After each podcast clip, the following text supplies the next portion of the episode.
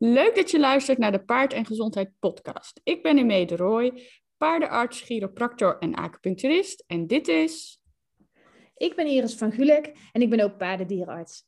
En Mee en ik hebben samen gestudeerd.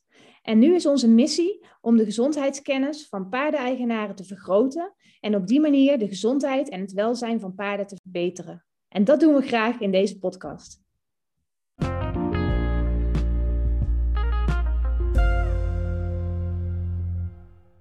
We vinden het altijd echt superleuk als we vragen krijgen van volgers. En uh, deze is nog uh, heel recent, dus we dachten laten we er meteen iets over gaan vertellen vandaag. Ja, klopt. Ja, we gaan het vandaag hebben over kramperigheid. En we hebben verschillende vragen daar al, al die tijd over gekregen. Over kramperigheid en hanentred. En nou ja, dat gaan we dus allebei een keer bespreken. Maar vandaag gaan we het dus hebben over krampentrekken. Ja, is dat een volksterm of is wat is de officiële term eigenlijk? Geen moeilijke vragen stellen. Misschien hadden we het van tevoren op moeten zoeken. Nee, nou ja, ik heb het vooral de Engelse artikelen gelezen en dan heet het shivering. Ja. Uh, en in mijn boeken staat het, zeg maar in mijn studiewijzer stond het zowel krampen trekken als kramperigheid. Dus ik denk dat allebei de termen kunnen. Ja, ik doe meestal gewoon kramperigheid eigenlijk. Ja, kramperigheid. Ja, ik ook. Nou, dan noemen we het zo.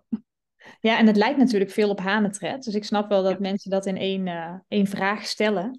Ja. willen jullie het daarover hebben, over kramperigheid en hanentred? Nou, dat gaan we dus vandaag niet doen. Alleen uh, kramperigheid. Precies. Um, en dan de volgende keer gaan we het hebben over hanentred. En dan uh, kunnen we dat ook uitleggen.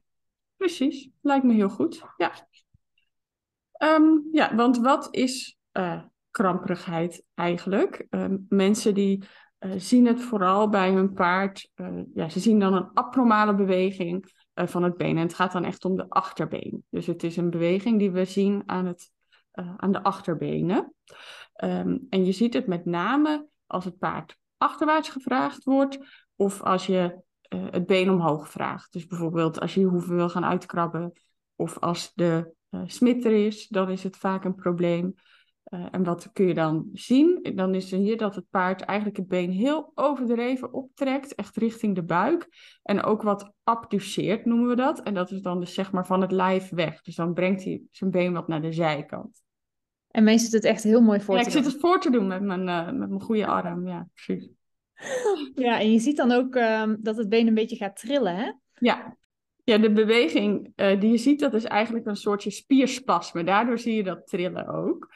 En het been wordt dan dus echt overdreven hoog uh, opgetrokken. En het kan, je kan het wel zien aan één been of aan beide achterbenen.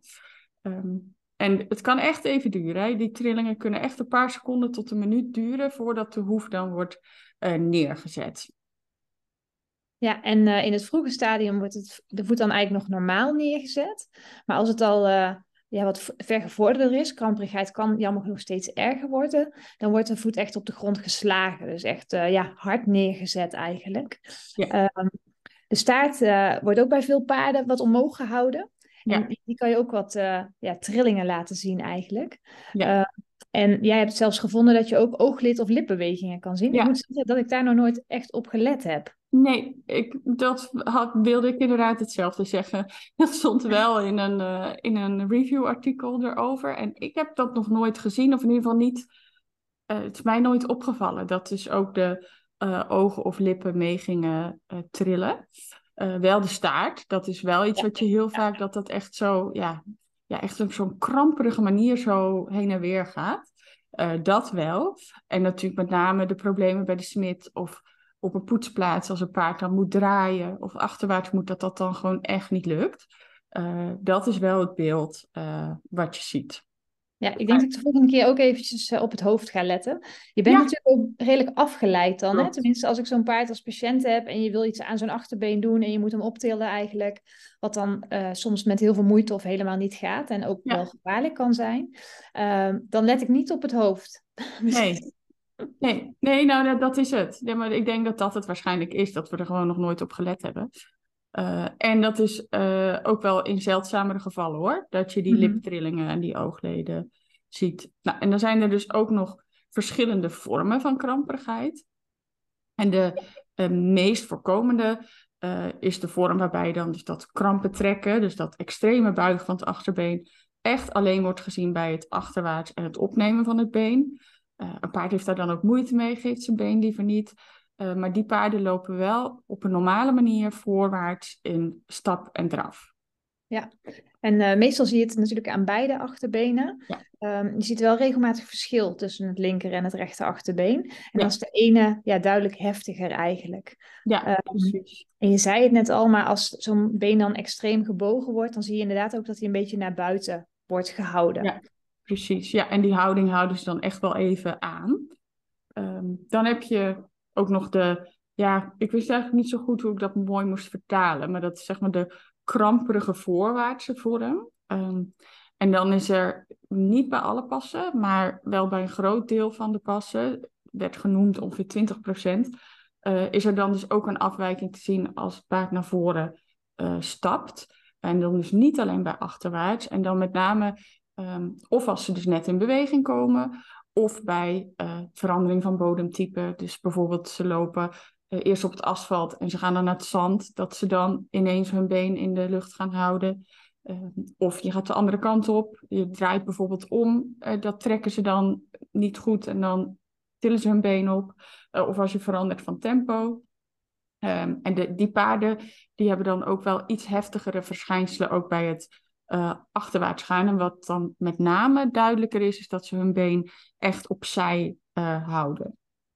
Ja, en um, dat zijn ook de lastige, want aan het opnemen ja. van het achterbeen is dan eigenlijk onmogelijk. Hè? Um, ja. Dus dat lukt niet meer. En dat is natuurlijk heel lastig bij de hoefsmid en ook gewoon bij, voor jezelf. Als je een buitenrit gereden hebt en je wil een been uh, optillen om te kijken of er steentjes in zitten en dat lukt niet, ja. dan is dat heel vervelend. We zien wel dat de draf en de galop bij die paarden gewoon normaal is. En um, het kan ook ja, zo ernstig worden dat die paarden niet goed meer kunnen gaan liggen of niet meer uit hun box kunnen stappen. Ja. Die heb ik ook wel uh, regelmatig gezien. Omdat ze dan natuurlijk van stilstand aan het werk moeten. Ja. En dan komen ze die box gewoon eigenlijk niet meer, uh, niet meer uit. Ja. Bij zulke paarden zien we ook atrofie, dus dat is vermindering van de spieren, um, ja, rondom de rug en de achterhand optreden, omdat ze die gewoon niet op de juiste manier meer gebruiken. Ja. ja, dan is het trouwens al wel echt heel ernstig. Hè? Zeker als paarden niet meer kunnen gaan liggen. Uh, ja, dat is wel een ernstige welzijnsaantasting. Als het ja. dusdanig ernstig is. Dus uh, ja. ja. En een vorm waar we het dus net over hadden allebei. Um, die we in ieder geval nog nooit bewust hebben gezien. Um, ja, is de hyperextensievorm, zoals het dan wordt genoemd. Uh, en dan wordt het been dus in plaats van uh, zeg maar overdreven gebogen, wordt het juist um, ja, abnormaal gestrekt. En die paarden die vertonen dan ook wel uh, dat ze een, ja, eigenlijk een abnormaal bewegingspatroon laten zien als je ze achterwaarts vraagt. Dus dan zetten ze hun, uh, dan zijn ze bijvoorbeeld met hun achterbenen gaan ze dan al achterwaarts, maar hun voorbenen blijven dan nog staan. Dus dan gaan ze echt heel abnormaal gestrekt staan. Ja, de staart kan dan wat hoger gehouden worden en de spiertrillingen kunnen dan ook weer opvallen bij het achterwaarts gaan. Um, ja, opnemen van die benen is ook vaak niet mogelijk, doordat ze zo overdreven gestrekt zijn. Um, en gelukkig kunnen ze wel normaal voorwaarts stappen en draven. Ja, ja ik ben eigenlijk wel benieuwd of we de. Ja, het werd ook benoemd als een zeldzame vorm hoor. Maar um, of ik er niet stiekem toch ooit een gezien heb, maar dat ik me dat toen niet heb gerealiseerd dat dat het was. Ja, dat kan, kan heel goed. studie of zo hebben we wel eens een keer van die aparte neurologische gevallen uh, gezien. En dat ik dat misschien het toen heb gezien, maar ja, niet bewust. Maar goed, dat is geheel terzijde. ja. Wij leren ook van het maken van een podcast. Dat uh, horen de luisteraars weer. Ja, zo is het. Ja, precies. We willen natuurlijk de laatste informatie met jullie delen. Dus dat betekent dat wij ook uh, de artikelen induiken voor sommige nieuwe feitjes. Oh. Ook ja. over kramperigheid. Precies, precies. Ja. Nou ja, en waardoor komt het dan? En dat is denk ik wat heel veel mensen willen weten. En waar ja, jij en ik ook vaak vragen over krijgen. Van waardoor komt het dan dat een paard kramperig is? Um, en er is best wel wat onderzoek gedaan. Uh, ze hebben hersenonderzoek gedaan, uh, allerlei spieronderzoeken. Um, en het lijkt erop, het is nog niet helemaal 100% waterdicht, uh, maar het lijkt erop dat de oorzaak in de kleine hersenen zit. Er is dan een ja, afwijking gezien aan bepaalde cellen. Um, en ja, daardoor gaat dan dus eigenlijk de aansturen van de spieren van de achterhand gaat niet goed. En het lijkt er dan dus op dat de beweging van de spieren uh, ja, niet voldoende wordt geremd. En dat daardoor dus die paarden die overdreven uh, buiging laten zien van dat been. Nou, goed om te weten. Ja, nou ja, dat is natuurlijk wel belangrijk. Want als de oorzaak in de uh, kleine hersenen zit, dan betekent dat dus ook dat wij daar uh, niet veel aan kunnen doen. Nee, en dat is ja, ook jammer genoeg op dit moment uh, zo. Ja. Dat er geen bewezen behandeling is hè, voor kramperigheid. Nee. nee. Um, nou, als er andere aandoeningen een rol spelen, bijvoorbeeld als het paard uh, toch een mate van kreupelheid laat zien, ja. uh, of als er bijvoorbeeld PSSM 1 speelt, dan moet dat uiteraard gemanaged worden, zo goed ja. Um, en het is heel belangrijk om zo'n paard met kramperigheid ook goed te managen natuurlijk, als hij niet een onderliggende oorzaak heeft. Ja langere tijd op boksrust en stress, daar worden ze echt niet beter van. Dan wordt nee. het beeld juist ernstiger. Klopt. En um, fysiotherapie of manuele therapie lijkt te kunnen helpen. Maar dat is uh, jammer genoeg niet wetenschappelijk bewezen dat er echt een positief effect is. Uh, ja. Maar ja, het is natuurlijk altijd het proberen waard. Ja. Dus wat je vooral moet doen is zorgen dat je paard niet veel op stal staat. Um, veel buiten dus, liefst dag en nacht als dat uh, kan. Dat is denk ik voor elk paard het allerbeste. Ja. Um, en stress proberen te vermijden. Ja. ja, en dan zijn er natuurlijk nog van die management dingetjes als... Nou ja, wat moet je dan doen als je bij kapper of de smid uh, komt? Vaak helpt het als je die paarden uh, wat sedeert. zodat het net allemaal wat ja, minder stressvol voor die paarden is, waardoor ze dus ook minder snel die kramperigheid laten zien en waardoor het wat makkelijker gaat, dat die spierspanning wat minder is. Um, als het nog lukt om de benen op te nemen, vraag dan zo min mogelijk buiging van die benen. Dus ja, doe het dan zo laag mogelijk bij de grond als dat lukt. Uh, ja, en soms is het gewoon echt niet meer mogelijk om die benen op te nemen. Nou, en dan kwam ik ergens tegen, daar hadden ze een hele um, ja, constructie bedacht. Dan werden die paarden in ja, een soort van diep mul zand gezet. Ik weet niet precies hoe ik me voor moest stellen. En dan gingen ze een put graven rondom die voet. En dan kon je er op de een of andere manier, kon een smid er dan staande nog bij. Maar ja, hoe reëel dat is en hoe veilig dat is voor de smid, ik vraag het me af. Maar goed, dat werd in ieder geval genoemd in een artikel. Ja, het lijkt me ook inderdaad erg gevaarlijk. Ja. Uh, ik heb wel een aantal van die uh, patiënten inderdaad die altijd uh, gestudeerd moeten worden ja, bij precies. Ja. Omdat het dan gewoon veel beter toelaat en het voor iedereen veel veiliger is, ook voor het paard. Ja. Dus um, dat is wel heel belangrijk. Soms helpt het ook nog om ze tegen een wand aan te zetten, precies. dat ze daar iets steun bij kunnen zoeken natuurlijk.